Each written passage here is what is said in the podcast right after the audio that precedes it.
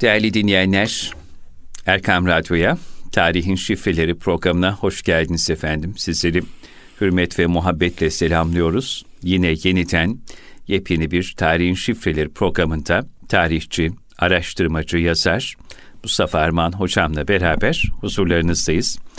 Hocam hoş geldiniz, sefalar getirdiniz. Hoş bulduk efendim. Nasılsınız, afiyettesiniz hocam? Çok şükür.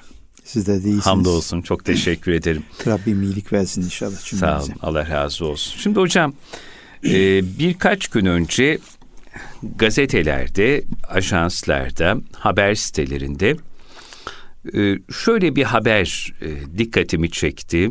E, ilk sayfalardan verildi. Bazı siteler son dakika haberi olarak geçti. Neydi bu? E, merhum şehit başbakan Adnan Menderes'in e, 1960 27 Mayıs 1960 askeri darbesinin ardından kendisini yargılayanları hitaben kaleme aldığı mektup gün yüzüne çıktı deniliyor haberde. Evet.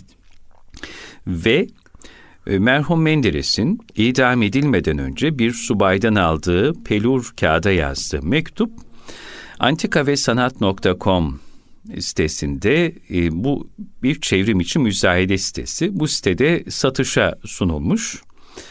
E, Yassıada'da 1960-1961 yıllarında yapılan yargılamalar sonucu idam edilen merhum Menderes'in siyasi bakış açısını da yansıtan mektup için 18 Ocağı kadar pey verilebilecekmiş. Müzayede aynı günün akşamında yapılacak çevrim içi canlı mezatla kapanacakmış.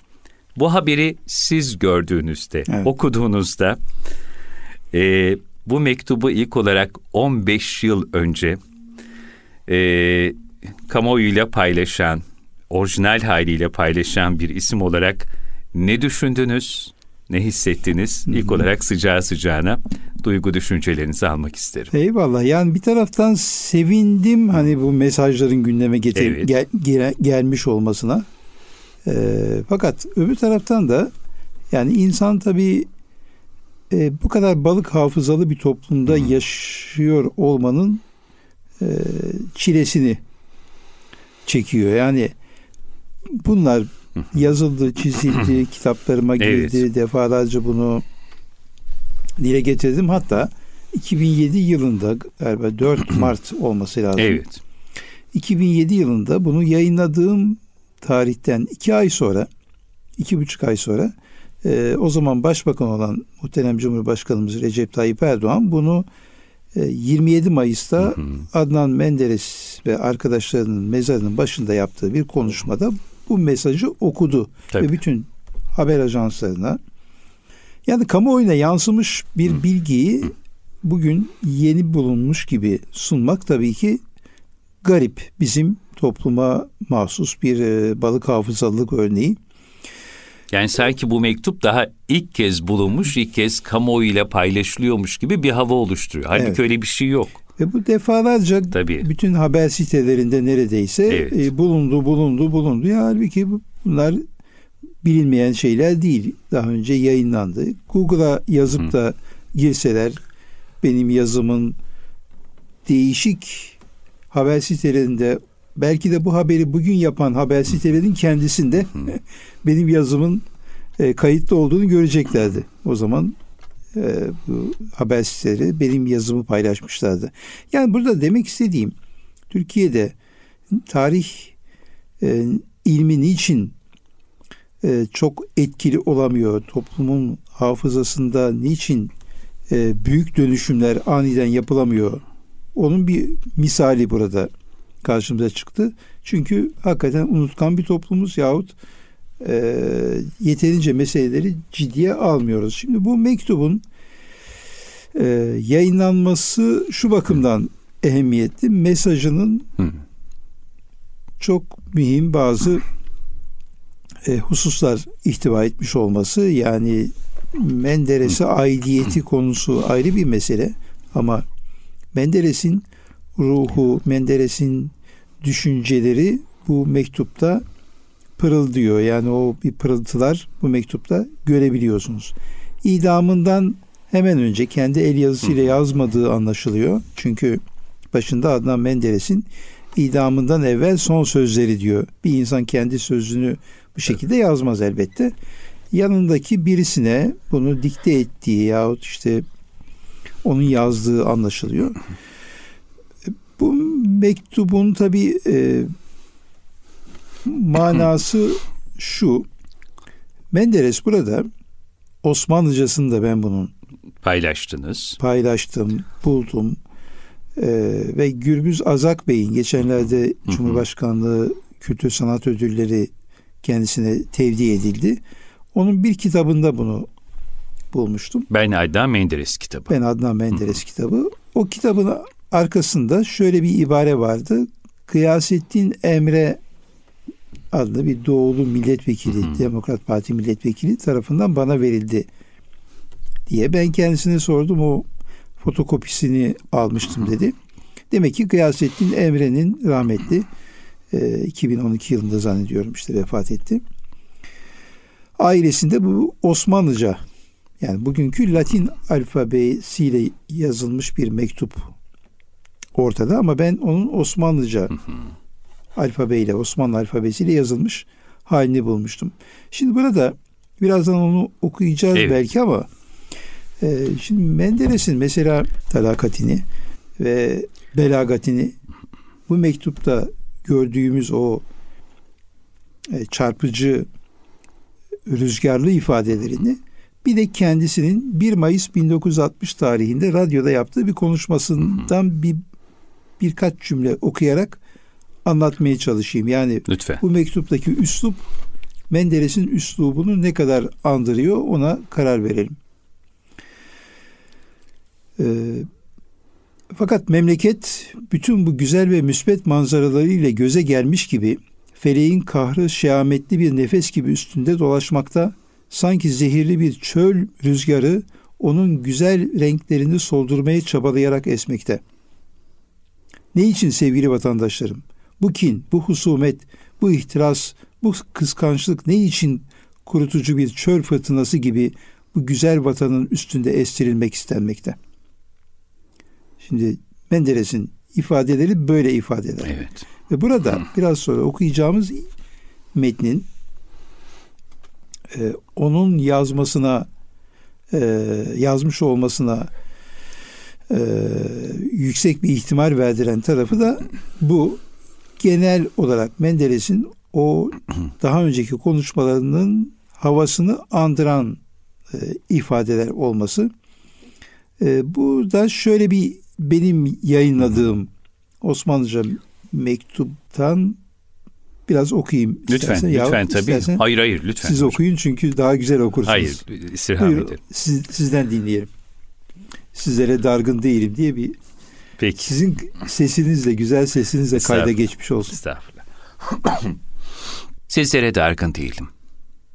Sizin ve diğer zevatın iplerinin hangi efendiler tarafından idare edildiğini biliyorum. Onlara da dargın değilim. Kellemi onlara götürdüğünüzde deyiniz ki, Adnan Menderes, hürriyet uğruna koyduğu başını 17 sene evvel almadığınız için sizlere müteşekkirdir. İdam edilmek için ortada hiçbir sebep yok. Ölüme kadar metanetle gittiğimi, silahların gölgesine yaşayan kahraman efendilerinize acaba söyleyebilecek misiniz? Şunu da söyleyeyim ki, milletçe kazanılacak hürriyet mücadelesinde sizi ve efendinizi yine de 1950'de olduğu gibi kurtarabilirdim. Dilimden korkmayacaktınız. Ama şimdi milletle el ele vererek Adnan Menderes'in ölüsü ebediyete kadar sizi takip edecek ve bir gün sizi silip süpürecektir. Ama buna rağmen duam sizlerle beraberdir. Adnan Menderes'in hocam idamından evvel son sözleri. Tam bir manifesto aslında biliyor musunuz? Evet. Gerçekten baktığınızda. Hakikaten bir demokrasi manifestosu evet. gibi e, okunması gereken bir metin e, ve o anda bunun düşünülmüş olması, bunun dile getirilmiş olması e, kolay bir şey değil ve bütün e, birikimini, daha önceki o talakatini dediğim gibi belagatini yansıtan bir e, mektup. Şimdi burada mesela şöyle diyor. Adnan Menderes hürriyet uğruna koyduğu başını 17 sene evvel almadığınız için sizlere müteşekkirdir. Şimdi 1961'de yazıldığını bunun Eylül ayında yazıldığını varsayarsak e, ki öyle. Yani 17 yıl evvel. 17 yılı 1944'ün sonları artık Menderes'in CHP içerisinde muhalefete başladığı dönem. 1945 yılında artık bayrağı açacak ve çiftçiyi topraklandırma kanunu görüşmeleri sırasında kendi partisini yani tek parti döneminde kendi partisini eleştirerek şeye başlayacak. Muhalefete başlayacak. Bu yüzden de zaten kendi partisinden ihraç edilecek ve Demokrat Parti'yi kurma yolunda arkadaşlarıyla e, beraber harekete geçmiş olacak. Onu anlatacağız ama burada 17 sene evvel dediğim yani ilk baş kaldırdığım zaman ilk baş kaldırdığım zaman başımı almalıydınız, kellemi evet. almalıydınız. Ve bunu Cumhuriyet Halk Partisi'nin içindeyken o evet. baş kaldırıyı gerçekleştiriyor. Tabii. O çok önemli bir adım. Yani tek partiye ilk isyan bu. Ve orada kalkıp mecliste herkesin tek parti döneminde kanun teklifini onaylayacağını yahut işte tasdik edeceğini zannederken bunun ağır bir tenkide tabi tutması, e, yapılan yanlışları dile getirmesi çok önemli bir e, dönüm noktası oldu ve zaten onun partide artık tutulamayacağı buradan anlaşıldı. O cümleyi zikrettik. Ondan sonra silahların gölgesinde yaşayan kahraman efendilerinize mesajı. Yani burada İnönü'yü kastettiği çok açık. Yani sizi ortaya sürdü kahraman efendiniz e, silahların gölgesinde yaşıyor. Bu silahların gölgesine sığınmış vaziyette. Bu darbeyi o yaptırdı demek istiyor yani. Bir başka hususta milletçe kazanılacak hürriyet mücadelesinde sizi ve efendinizi yine 1950'de olduğu gibi kurtarabilirdim hı hı. cümlesi. 1950'de kimilerinin bir hata olarak gördüğü e, devri sabık yaratmayacağız ifadesi var Menderes'in. Evet. Yani CHP'nin en büyük korkusu buydu. Eski defterler açılırsa ortalık çok karışacaktı. Menderes burada bir yani yeni bir sayfa açılsın. Eski defterleri açmayalım manasında. Bunların hesabını sormayalım manasında devri sabık yaratmayacağız ifadesini kullandı. Bu CHP'yi çok rahatlattı. E, fakat bu tabi e, CHP'nin aynı zamanda kendisini toparlamasına ve zaman kazanmasına, hı hı. imkanlarını zaman içerisinde tekrar geri kazanmak için organize olmasına e, fırsat verdi. Bu da hem kendi partisi içerisinde hem de e, bir takım işte Hür Adam gibi işte gazetelerde şurada burada tenkit e, edildi. Tenkit edildi Necip Fazıl da tenkit edenlerden birisiydi. Yani bunu yapmayacaktı. Hesap sorulması gereken birçok mesele vardı. Bunlardan açıkça hesap sorulmalıydı. Eski defterler açılmayacak, devri sabık yaratılmayacak e, ifadesi doğru olmadı deniliyordu. Evet. E, ama bu ifade onu çağrıştırıyor. Yani eğer bugün bir imkan verilseydi ben yine de sizi bu darbenin şeyinden kurtarabilirdim fakat olmadı. Bunu kabul etmediniz. Dirimden korkmayacaktınız. Ama şimdi milletle el ele vererek Adnan Menderes'in ölüsü ebediyete kadar sizi takip edecek ve bir gün sizi silip süpürecektir diyor ve mektup işte e, burada bitiyor. Şimdi e, hakikaten Menderes'in 1945'te çiftçiyi topraklandırma kanunu ve arkasından 1946'ya kadarki süreçte CHP içerisinde yaptığı görüşmeler hatta daha önce 1930 yılında e, Aydın'a gelen Mustafa Kemal Paşa'nın yanında e, 4 dakika için oturduğu yerde 4 saat ona briefing vermesi evet. Ve 4 saat boyunca ya bu genç çok kabiliyetli bunu değerlendirin şeklinde bir e, ifade kullanmak durumunda kalması ve Fethi Okyar'ın da Aydın'da Cumhuriyet, e, Serbest Cumhuriyet Fırkası'nı kurarken gidip Adnan Menderes'i bulması, onu Serbest Cumhuriyet Fırkası'nın Aydın e, il başkanlığına getirmesi e, ondaki cevheri gösteren bir şey. Yani biz Menderes'i yanlış bir şekilde o idam fotoğrafıyla anlıyoruz. Ve mağdur, mazlum, boynu bükük. Hayır öyle birisi değildi. Mücadeleciydi. Hakkını sonuna kadar savunan birisiydi. Evet nazik bir insandı, kibar bir insandı. Ee, ve termometreyi çok duygulanıyorum onu hatırlayınca. Doktor vefatından hemen önce yani o komadan çıkmış koltuğun altına koyması için termometreyi veriyor. Koltuğun altı terden ıslanmış. Termometreyi o haliyle doktorun eline veremiyor. Mendilini çıkarıyor, termometreyi sarıp o haliyle biraz sonra idama gidecek olan Menderes mendilin içerisinde termometreyi veriyor. Bu kadar nazik, bu kadar efendi e, bir insan. E, fakat şeyi de belagatı da telakatı da nezaketi içerisinde en tesirli sözleri söyleyebilmesi ve halkın da ona teveccüh etmesindeki en büyük sebep de buydu. Güler yüzlüydü. Mütebessim bir çehresi vardı. E, fakat aynı zamanda o mütebessim çehresi içerisinde e, kuvvetli bir muhalefeti nasıl yapılacağını o müthiş uzun meclis konuşmalarında e, mesela Türkiye'de ilk defa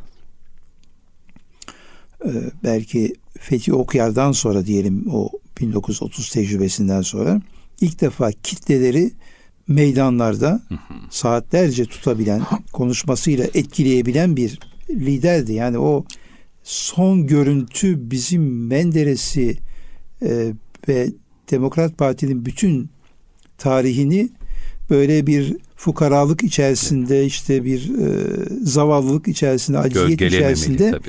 görmemize sebep olmamalı. Bu çok mühim bir mesele ve onun için ben e, kitabımda bu Ezan Şehidi Menderes kitabımda da evet şehit edildi o doğru fakat şehit edilmesi bütün Menderes'in hayatını e, karartmamalı. O bir mücadele adamıydı. Bu mücadelede e, bu mücadelenin gereğini sonuna kadar yerine getirdi ve zaten bu sebeple yani o dönemi e, hazırlayan, o dönemin içerisinde Demokrat Parti'den rahatsız olan kesimlerin en hassas olduğu noktalara kılıcını sokabilmesi hem sözle hem de icraatla bunları yapabilmesi en çok onları kızdıran nokta buydu. Ve neticede halk evlerinin kapatılması. Mesela halk evlerini almış CHP.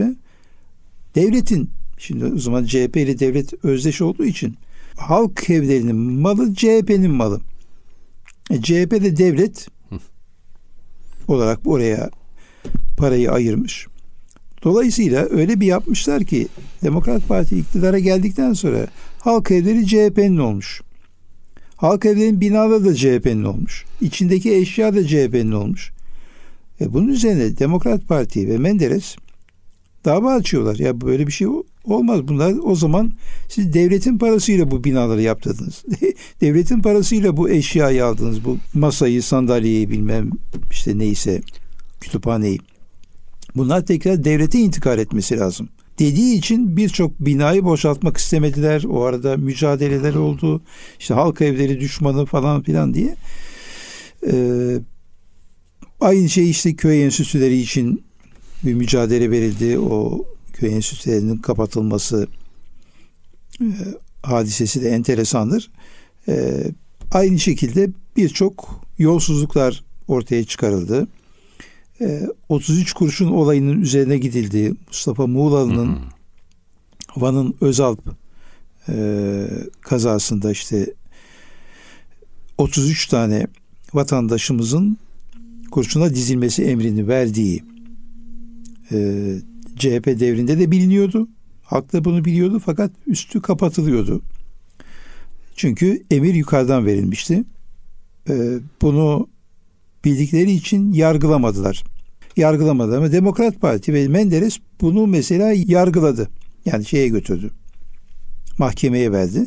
Ve Mustafa Muğlalı e, suçu kabul edildi. E, hapisteyken öldü ve neticede bunun hesabı bir şekilde sorulmuş oldu. Yani o devirde sorulmamış olan bir hesap. E, şimdi bütün bunlar e, Türkiye'yi kendi malı olarak gören CHP'nin, mülkü olarak gören CHP'nin hoşuna gitmiyordu. Kim oluyor da bu adam çıktı ortaya bizden hesap soruyor, bizim malımızı elimizden alıyor, bize kök söktürüyor, işte yargılatıyor falan. Ee, bunlar hep böyle bunun defterine, hesap defterine yazıldı. Yani sadece o değil mesela Sabri 25oğlu'nun hatıralarını falan okuduğunuzda onlar da daha 1950'den o irticayı başlattı. 1950 daha yeni gelmiş bir ay sonra bir X işareti koyuyorlar daha o taraftan sonuna doğru bir işaretler çoğalıyor. Bu sebeple Menderes'in e, siyasi mücadelesini Demokrat Parti'nin verdiği bu e, büyük mücadeleyi nasıl bir ahtapotla mücadele ettiğini unutmamamız lazım. Yani o yazsa da yargılamaları ve idamlar bizim bakışımızı şey yapmamalı, bulandırmamalı. Yani biz asıl bunlar ne yapmak istiyordu? yani çünkü 2020'deki CHP ile 1945'teki 1950'deki CHP aynı şey değil. O zaman devletin kendisi. Ve nitekim işte dediğim gibi 1960'ta da nasıl devletin kendisi olduğu ortaya çıktı. Darbeyi yaptırdı. Artık bunu çok rahatlıkla söyleyebiliyorum çünkü çok sayıda done var elimizde. Yani bir dakika 27 Mayıs 1960 darbesini tam olarak o dönemki Cumhuriyet Halk Partisi ve başındaki İsmet İnönü, İnönü yaptırdı. Tezgahladı. Zaten Tezgah. onlar eğer bu işin içinde olmasalardı hmm. darbenin olma ihtimali yoktu. Ha bir de tabii dış bağlantılar da kuruldu. O dış bağlantılar yani Amerika Menderes'e 100 milyon dolar kredi vermezken darbe yapıldı. E, maaşları ödeyemediler. Maaşları ödeyemeyen e, darbe hükümetine uçakla Amerika'dan para geldi, dağıtıldı.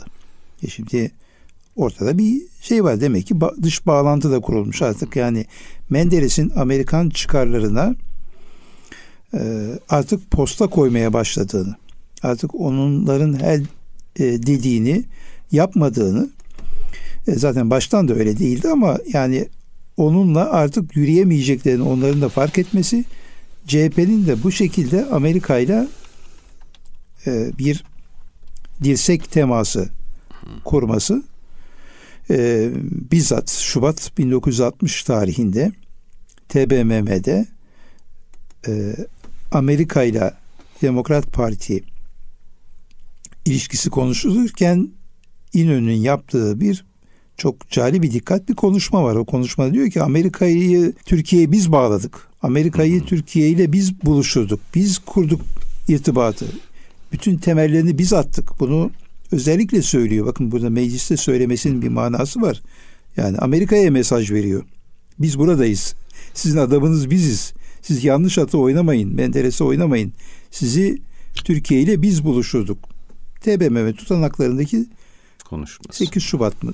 Neyse işte 1960 Şubat'ında yaptığı konuşma. Şimdi bunlar böyle dış bağlantı olmadan zaten hiçbir darbe dış bağlantı olmadan yapılamaz ama içerideki ayak CHP artı CHP gençliği, gençlik kolları e, ve ordu içerisindeki uzantıları e, üniversite burada hani Osmanlı isyanlarında da böyle bir kalıp vardır aslında. Yani ulemadan destek hı hı. geldi mi? E, Yeniçeri Ocağı'ndan hı. destek geldi mi? Biraz da ortalıkta işte softalar, medrese talebeleri falan kışkırtıldı mı onlar sokağa çıkar. Bunlar e, onları bastırmak için şey yapar. Öbürleri bunun ulemada destek verirse bu darbe başarıya ulaşır. Model buydu. Bu gerçekleşti 27 Mayıs'ta. Ee, onun için yani ben rahatlıkla söyleyebiliyorum çünkü İnönü'nün özellikle 1958 yılından itibaren yani 3. seçimi de kaybedip 57 seçimlerini de kaybedip ondan sonra taarruza geçmeye başlaması ve bu taarruz kelimesini özellikle kullanıyor. Kendileri kullanıyor. Ben evet. burada izafe etmiyorum yani. Önce bahar taarruzu diye başlıyor. Sonra e, büyük taarruza çeviriyorlar bunu. Taarruz nedir? Düşmana karşı yapılan hücumdur. Askeri bir terimdir. Büyük taarruz değil mi? Yani askeri bir terimdir. Şimdi e, İnönü'nde bir asker. Gerçi savaş kazandığına dair bir kimse bir şeyi evet. bize aktaramıyor. Bir savaşı kazandığını da bilmiyoruz ama e, onun kazandığı savaşlar masa başı savaşları. Zaten İnönü'nün özelliği sahada, arazide başarılı değildir İnönü. Genel kurmayda tabi masa başında çalışan, strateji planlama yapan e, generaller de var. Evet. Onlardan birisiydi Osmanlı. Yani, yani böyle daha çok diplomat tarafı öne çıkmış. Evet çünkü Hı. Yemen'de görüşmeler oluyordu. Evet. Yemen'e gidiyordu. Hatta az daha Sevr'e gidecekti. Askeri danışman olarak Hı. Sevr'e gönderilecekti. Son anda bir şey oldu gidemedi. Yani bu tip hizmetlerde daha çok kullandı. Onun için sahada başarılı değildir hiç. Fakat strateji ve planlamada Menderes'i o kadar ustaca yani bir taktikle köşeye sıkıştırdı ki 27 Mayıs'a doğru giderken bir takım hatalar yapmasına yol açtı. İşte bu büyük taarruzu açtı. Büyük taarruzun arkasından bu sefer e, işte zorla işte ben Antep'e gideceğim. Yani işte ortalık karışmış. Orada arbede çıkacak bilmem ne e, buna valilik yolu kesiyor. İşte valinin üzerine yürüyor. E, Yeşilhisar olayları var. E, Topkapı olayları var. Bu, bunlar da hep tahrik ediyor. Yani yanlış yapmaya e, sevk ediyor ve Uşak'ta o Uşak olayını çok dikkatli bir şekilde inceledim. Uşak'a gidiyor 1959 1 Mayıs galiba. Taş atıldı. Yassıada'da bile Uşak olayları diye bir dava görüldü. Onlarca insan orada yargılandı. Ceza alan da oldu zannediyorum.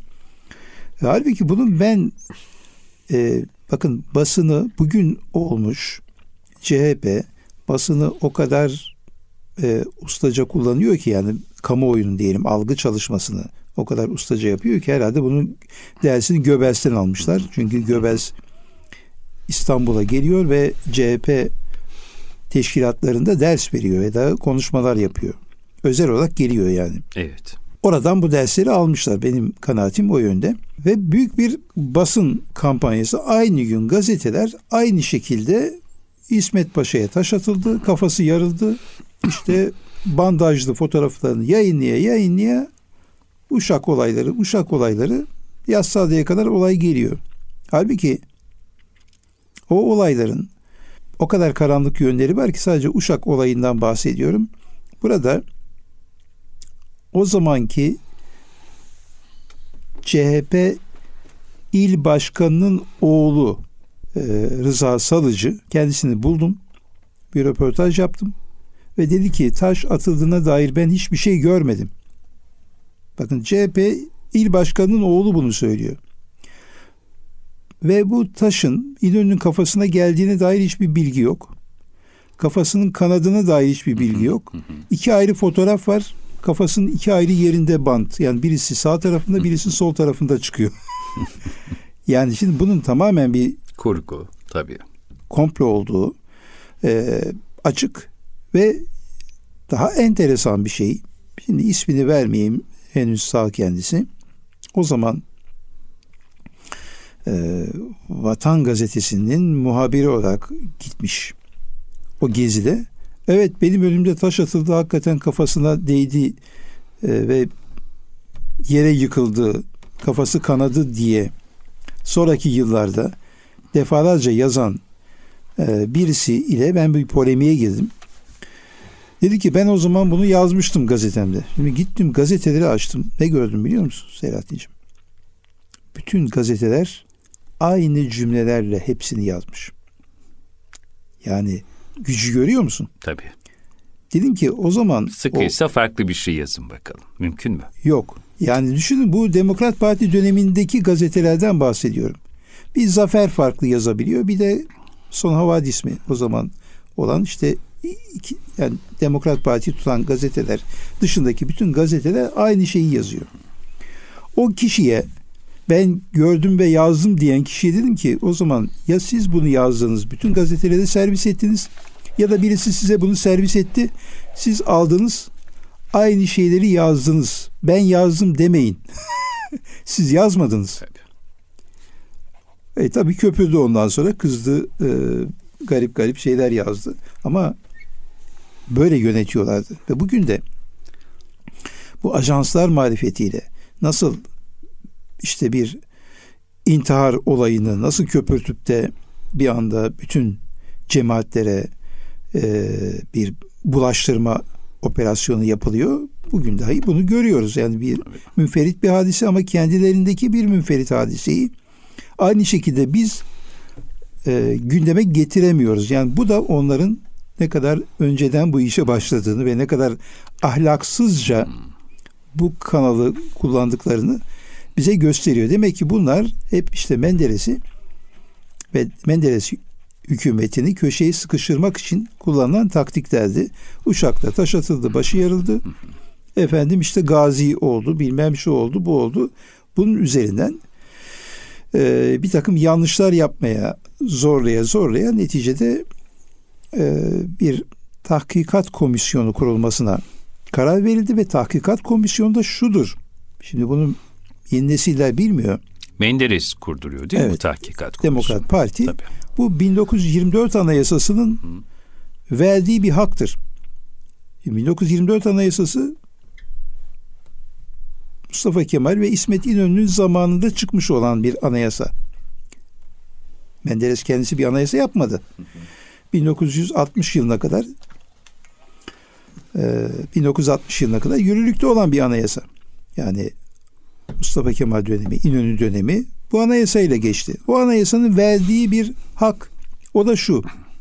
Hükümete yönelik yalan e, ya da bir takım haberler, yalan haberler çıkartıldığında bunların tahkik edilmesi. Gerçekten bu haberleri kim çıkarıyor?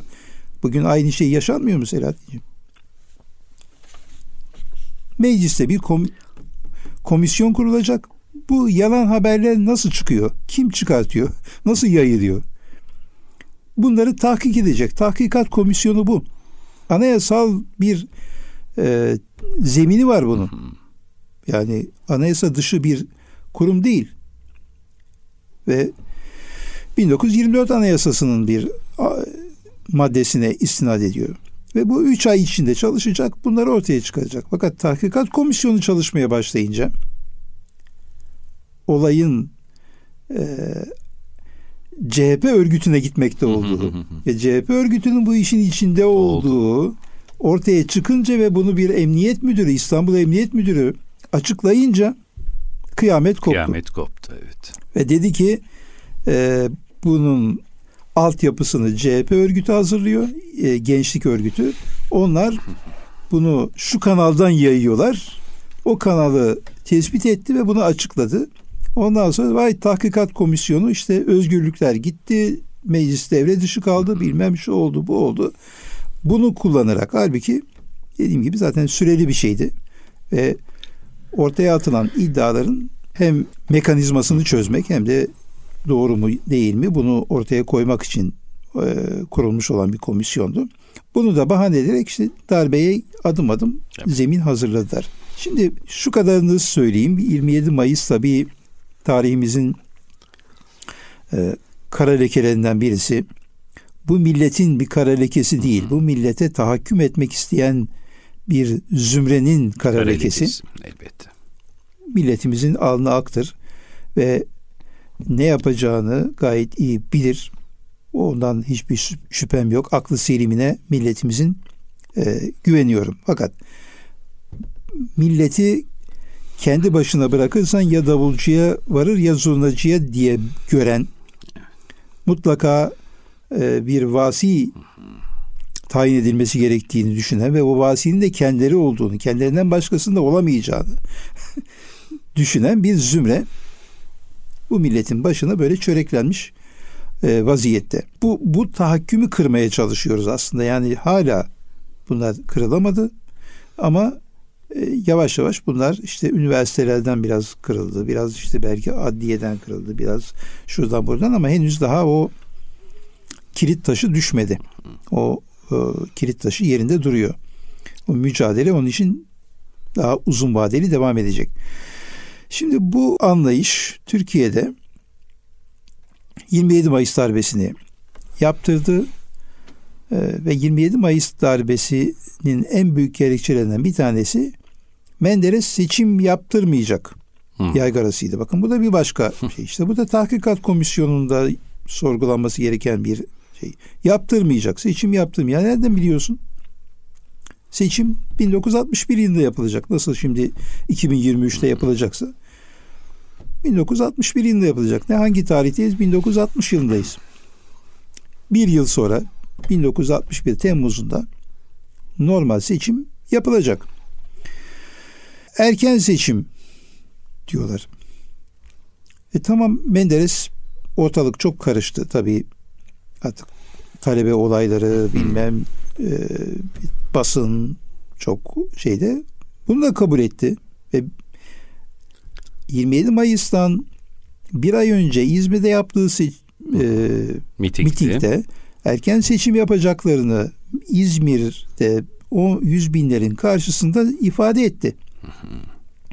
Bunun nasıl olacağına dair daha sonra parti parti bazı açıklamalar yaptı ve en son Eskişehir'de yani diyorum 25 ya da 26 Mayıs yani Tabii darbeden bir iki gün önce. Bir iki gün önce Eskişehir'de de bunu açıklayacağı sırada bakın olaylar nasıl gelişti.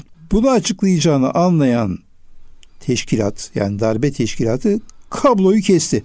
Allah Mikrofonun Allah. kablosunu kesti. Menderes de farkında değil kablonun kesildiğini. Şimdi mesela şu anda kablomuz kesilse ya da e, elektrik kesilmiş olsa biz burada farkına varmadan konuşmaya devam etsek ikimiz Aynen. konuşmaya devam ederiz. Kimse duymaz. Duymayız. E, kimse duymaz. E, aynı o şekilde o konuştu. Ama adamlar anladı ki açıklayacak. Kabloyu kestiler. Kesenin ismi bile var yani. O sonradan kahraman yapılmış yani adam. Ve halkın önde olan belki ufak bir grup dışında kimse duymuyor bu açıklamayı ama ertesi gün gazetelerde yayınlanıyor. Yani yanında bulunan tabii basın muhabirleri Menderes'in yanında olduğu için duyuyorlar. Gazetelerde erken seçim yapacağız ve 3 ay içinde erken seçim yapacağız ifadesini kullanıyor. Yani Mayıs, Haziran, Temmuz, Ağustos ya da Eylül işte erken seçim yapılacak. Fakat bunlar hala erken seçim yapılmadı diye geçenlerde İlker Başbuğ da böyle bir açıklama yaptı. Açıklasaydı erken seçim yapılacağını darbe olmaz diye açıkladı. Bunları da ispatladık. Hürriyet gazetesinden örnekler koyduk. Hürriyet gazetesi o zaman en çok satan gazetelerden bir tanesi. Ee, yine yaptınız darbeyi. Niye yaptınız? Bakın burada bir başka yalanı daha deşifre ediyoruz. O da şu. Efendim 1960 e, yılında seçim yapılsaydı zaten Menderes kaybedecekti. Yani 50, 54, 57, 57 oyların biraz azalmış olmasını bahane edip 60 yılında seçim yapılsaydı kaybedecekti onun için seçimi yaptırmak istemiyordu. Şimdi karşınıza çocuk yok sizin. Eğer 1960 yılında Menderes'in seçimi kaybedeceğine inanıyor idiyseniz niçin darbe yaptınız? Hiç. Sormazlar mı adamı? Yani normal olarak zaten size geçecek bir iktidarı niçin darbe yaparak kana buladınız? Madem bu kadar inanıyordunuz. Kaybedeceğine. Kaybedeceğine. Hayır. Biliyorlardı ki yine kazanacak. Tabii. Nereden biliyoruz? 1961 yılında halkın önüne seçim sandığını koyduklarında manzara şu çıktı. Menderes'in ya da Demokrat Parti'nin devamı olan üç parti mecliste çoğunluk oluşturacak kadar sandalye topladı. Yani Adalet Partisi işte CKMP falan üç tane parti vardı. Bu üç parti toplamı mecliste koalisyonla hükümet kurabiliyordu. E hani kaybediyordu Demokrat Parti? Demek ki darbe yapıldı. Darbede bu kadar hırpaladınız. Bir sene yassada yargılamaların canlı verdiniz. Bilmem ne yaptınız. Ee, ve üstelik de öyle bir zamanda yapıldı ki bu seçim Menderes 17 Eylül'de asıldı. 5 Ekim'de mi ne seçim yapıldı. Yani daha Menderes'in idamının dehşeti devam ediyorken seçim yaptınız ki insanlar ona oy vermesin diye. Buna rağmen halk gitti. Onun devamı olduğuna inandığı üç partiyi seçti. Ne oldu?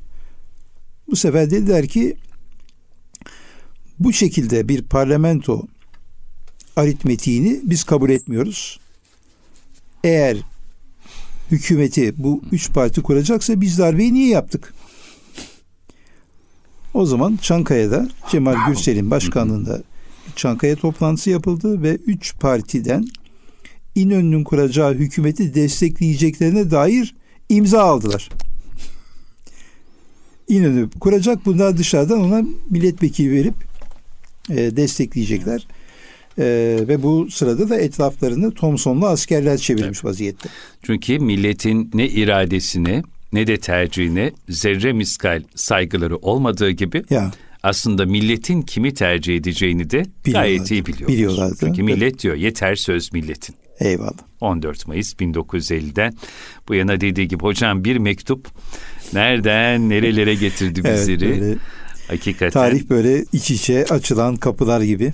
Öyle ee, kesinlikle. Ben de böyle kapılınca biraz uzatıyorum. Yo, çok da güzel oldu. Peki e, bu İnönü taraftarlarının aslında İsmet Paşa, Adnan Menderes'in idam edilmesinin son dakikaya kadar istemedi yavilerine ne diyorsunuz hocam? Son olarak onunla kapatalım. Yani böyle de bir tabii tevatür çıkarmışlar. Güya İnönü çok çırpılmış. idamları engellemek için ya İnönü isteyecek de bunu engelleyemeyecek. engelleyemeyecek. Yani böyle bir şey mümkün mü?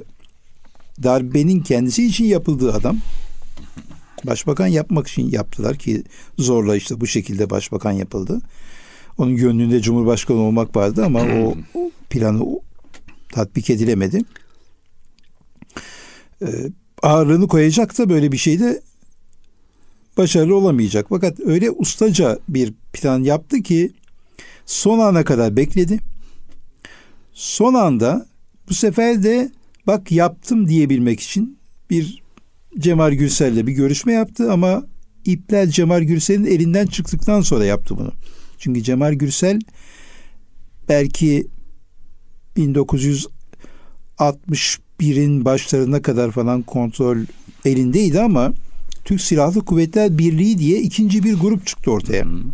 Bunlar birin öteki darbeyi yapanların içinden çıktı ve onlara karşı e, daha rigid bir kesim siz yumuşatıyorsunuz bu işi bu idamlar mutlaka olacak diyen bir grup çıktı ve o grubun baskısı ile e, Cemal Gürsel eli ayağa bağlandı. Yani artık bütün askeriye, genelkurmay başkanı yahut işte Cumhurbaşkanı olsa bile ya da e, devlet başkanı olsa bile onlara söz geçiremeyecek bir durumdaydı. Dolayısıyla e, Cemal Gürsel'le göstermelik bir görüşme yaptı. Cemal Gürsel dedi ki yani işte benim elimde bir şey yok falan diye. Olay e, yani son ana kadar bekledi. Son anda ya bak elimden geleni yaptım diyebilmek için de böyle bir göstermelik görüşme yapıp e, ne yapalım hani artık yapılacak bir şey yok dedi ve orada da bir eksi puan almamış oldu kendince. E, öyle bir mesajı da e, vermiş oldu ama gerçekte isteseydi zaten darbenin içerisinde olmasaydı bu darbe yapılmazdı. Darbeyi bu kadar teşvik eden, bu kadar tahrik eden e, ve Menderes'e bu kadar yani düşünün e, yazsa da gidip e, şahit olarak bile ifade vermedi İnönü. İnönü tabii. Şahit olarak bile ifade vermedi. Geldiler kendisinin yanında aldılar. Ya orada Cumhurbaşkanı arkadaşın bayar yargılanıyor bilmem ne yani git orada bir şey söyle değil mi? Yani şahit olarak git. De ki ya ben yani bu kadar da büyütmeyin. Ben bayarı tanırım. Hani bir şey söylesen mahkemenin şekli değişirdi orada. Ama bunu yaptı mı yapmadı. Yapamaz mıydı? Yapardı. Bal gibi yapardı. Kim engel olacaktı o gitse? Ama e, kendisi de işin içinde olduğu için o tarafını çok e, ustaca kapattı ve sonuçta da işte sanki e, önlemeye çalışmış falan gibi böyle bir insani bir şey verdi, hava verdi. Asla öyle bir şey söz Yok, konusu tabii evet. ki değildi. Peki hocam. O zaman bugünkü tarihin şifreleri programımızı sizin 15 yıl önce kaleme aldığınız yazının şu son cümleleriyle hitama erdirelim. Diyorsunuz ki yine merhum şehit başbakan Adnan Menderes'in mektubuna atıf yaparak mektup devam ediyor. Adnan Menderes'in ölüsü ebediyete kadar sizi takip edecek ve bir gün sizi silip süpürecektir. Soruyorsunuz, yoksa bir kehanet karşısında mıyız? Ölüsü değil de ruhu, gün gelecek. Defalarca sandığa gömerek, Cumhuriyet Halk Partisi'ni siyaset meydanından silip süpürmeyecek midir? Ve bugün CHP'nin ensesindeki nefes, Türk halkının gönlünden hala silinmeyen Menderes'in ruhu değil midir?'' Evet. Dolayısıyla bu son anından damatılmış kehanet pekala tutmuş. Yıllar sonra İstanbul'a nakledilen kemikleri bile on binleri sokağa dökmeye yetmiştir. Bana sorarsanız diyorsunuz, asıl çıkan kehaneti, ihtilalden sonra dostları tarafından bile komik bulunan bütün bir millet arkamdan geliyor sözleri olmuştur. Eyvallah. Ya. 61 yıldır bütün bir millet Menderes'in arkasından yürümeye devam ediyor hocam.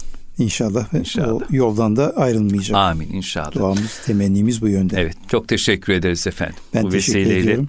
Şehit Başbakan Adnan Menderes'in kabri pür nur, mekanı cennet olsun yine yakın yol ve dava arkadaşları e, Fatih Rüştü Zorlu'nun, Hasan Polatkan'ın kendilerini biz rahmet ve minnetle binler fatihalarıyla yad ediyoruz.